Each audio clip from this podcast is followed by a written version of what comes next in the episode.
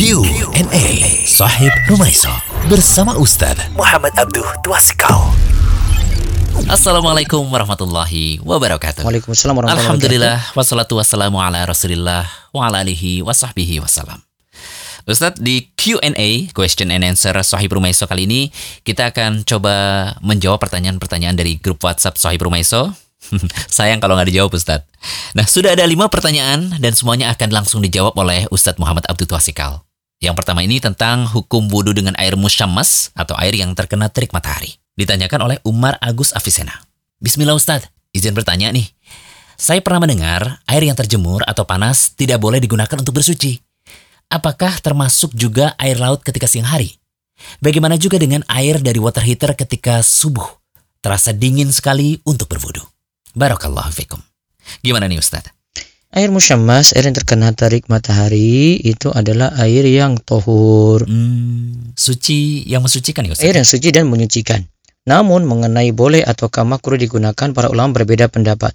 Ulama Hambali, ya, sebagian ulama Malikiyah, Nawawi dari kalangan Syafi'iyah, Mazhab Zohiriyah, Ibnu Taimiyah, Ibnu Qayyim dan fatwa dari Al-Asna Ad-Daimah, Komisi Fatwa Kerajaan Saudi Arabia menyatakan bahwa air musyammas itu tohur, Hmm, suci dan oke. menyucikan dan tidak makruh digunakan. Alasannya apa Ustadz? Alasannya, dalil yang melarang penggunaan air musyammas adalah hadis yang bermasalah.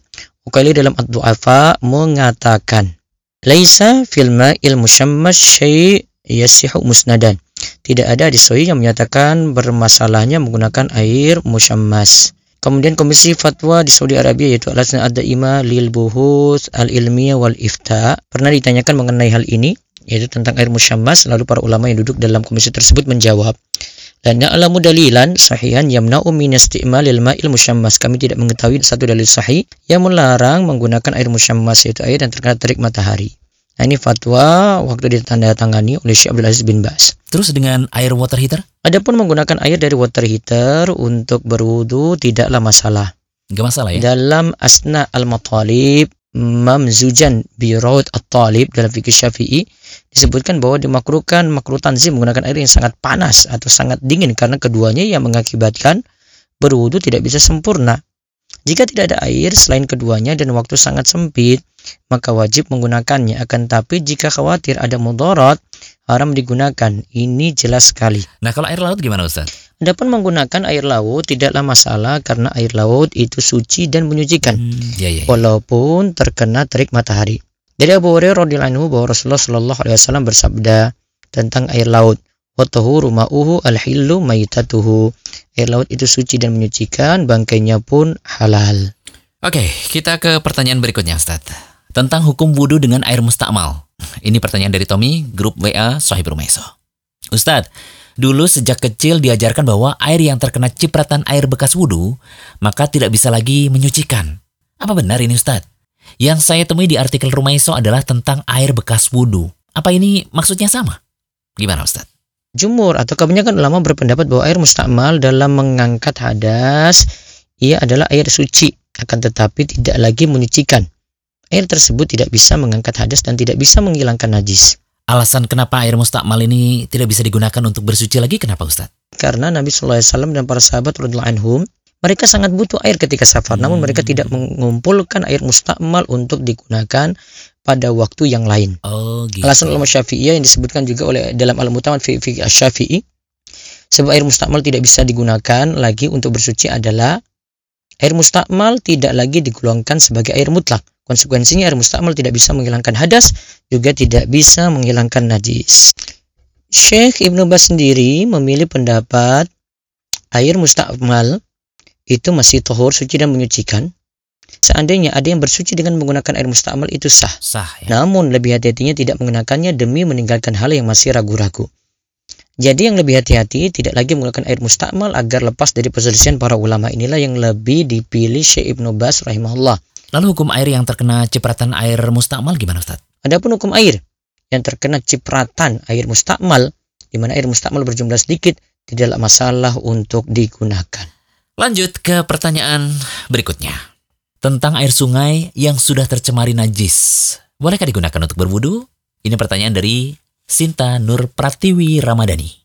Assalamualaikum Ustaz. Waalaikumsalam warahmatullahi wabarakatuh. Saya ingin bertanya nih, bagaimana kalau ada sungai yang sudah digunakan untuk buang air kecil maupun besar secara berkali-kali, apakah airnya suci? Dan apakah boleh juga untuk berwudu? Tafadhol Ustaz. Air yang boleh digunakan untuk berwudu adalah air mutlak yang masih murni air. Hmm, Allah Ta'ala berfirman, Wa anzalna minas sama'i ma'an tahura. Dan kami turunkan dari langit air yang amat bersih. Al-Furqan ayat 48. Dalam ayat lain disebutkan, Wa yunazzilu alaikum minas sama'i ma'an liyutahhirakum bi. Dan Allah menurunkan kepadamu hujan dari langit untuk menyucikan kamu dengan hujan itu. Nah, kalau air tersebut sudah keluar dari kemutlakannya, maka tidak bisa lagi digunakan untuk berwudu. hmm. Intinya, air sungai yang tampak kotor karena tercemari najis, kencing, dan kotoran atau berubah salah satu dari tiga sifat air bau, bau, rasa, warna. ya, Ustaz. Disebabkan karena bercampur dengan najis tidak bisa lagi digunakan untuk berwudu. Oke. Para ulama sepakat bahwa air sedikit atau banyak jika kemasukan najis lantas berubah rasa, warna, atau bau, maka air tersebut dihukumi najis. Najis. Demikianlah kata Ibnu Muzir sebagaimana dalam Al-Awsat. Oke, next question. Tentang air di ember yang kecipratan air kloset. Ini pertanyaan dari Kristia Mailela, grup WhatsApp Sohib Rumaiso Ahwat. Bismillah, Assalamualaikum warahmatullahi wabarakatuh Ustadz. Waalaikumsalam warahmatullahi wabarakatuh. Izin bertanya nih, bagaimana dengan air di kamar mandi? Misalnya dalam sebuah ember yang kecipratan saat kita menyiram kloset, apakah air tersebut masih suci? Jazakumullahu khairan. Gimana Ustadz? Pertama, jika air banyak kemasukan najis lantas berubah, air tersebut dihukumi najis. Jika air sedikit kemasukan najis walau hanya sekadar bertemu saja, ya bertemu dengan najis ya, dihukumi najis. Baik ada perubahan ataukah tidak. Ukuran air sedikit ini gimana Ustadz? Air yang sedikit di sini adalah jika kurang dari dua kula. Kalau ukuran air yang banyak? Air yang banyak adalah air yang sudah mencapai dua kula. Hmm. Air dua kula kita katakan ya sekitar 200 liter. Gambarannya air tersebut bervolume 1 meter kali 1 meter kali 20 cm. Dari Abdullah bin Umar radhiyallahu anhu Rasulullah Shallallahu alaihi wasallam bahwa Rasulullah SAW itu bersabda idza kana al-ma'u kullataini lam yahmilil khabath. Jika banyaknya air telah mencapai dua kula maka ia tidak mungkin mengandung najis. Dalam suatu lafaz hadis disebutkan jika air telah mencapai dua kula tidaklah najis. Hadis ini diriwayatkan oleh Abu Dawud, Tirmizi, An-Nasai, Ibnu Majah. Hadis ini adalah hadis yang sahih. Lihat minha al-alam fi syarh bulughul maram. Nah dengan pertanyaan tadi gimana Ustadz? Dari soal yang ditanyakan, kalau air di ember itu kurang dari dua kula, lalu kemasukan cipratan air kloset, baiknya tidak digunakan lagi, artinya air di ember tadi dibuang. Wallahu a'lam. Akhirnya, last question.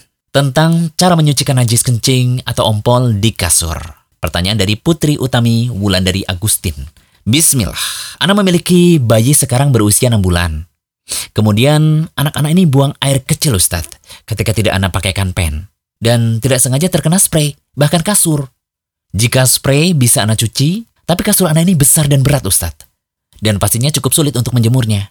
Jadi anak bilas saja pakai air dengan kain basah, kemudian anak keringkan dengan kipas angin. Nah pertanyaan Ana nih, apakah kasur Ana masih dikatakan terkena najis? Lalu bagaimana jika kasur yang sudah kering tersebut Ana tiduri? Apakah baju yang Ana kenakan najis juga? Dan bolehkah dipakai untuk sholat? Jazakumullahu khairan Ustaz.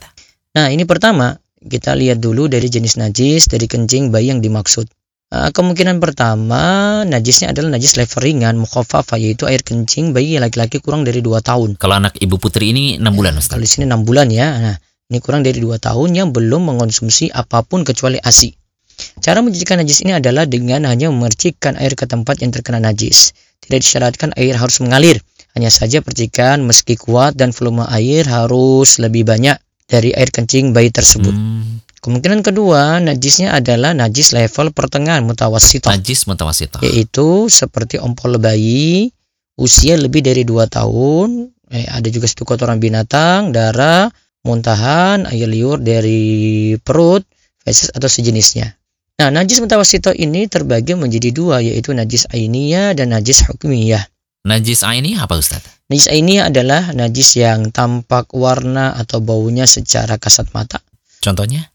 Eh, kotoran, buang hajat, kencing dan darah. Hmm, Ingat ya ini najis mutawassithah yang ainiyah. Jadi tampak Oh. warna atau baunya secara kasat mata. kalau najis hukmiyah? Itu adalah najis, setiap najis yang sudah kering ya dan hilang bekasnya, tidak lagi tampak warna atau baunya. Contohnya Ustaz? Contoh, kencing yang terkena pakaian lalu kering dan tidak tampak bekas lagi. Cara menghilangkannya gimana Ustaz? Nah, cara menghilangkan najis ini adalah dengan menghilangkan warna bau rasa. Nah, najis hukumnya itu tidak berwujud tapi masih dihukumi najis, Najis. ya. Karena tadi kan cuma dianggap kering saja ya kan?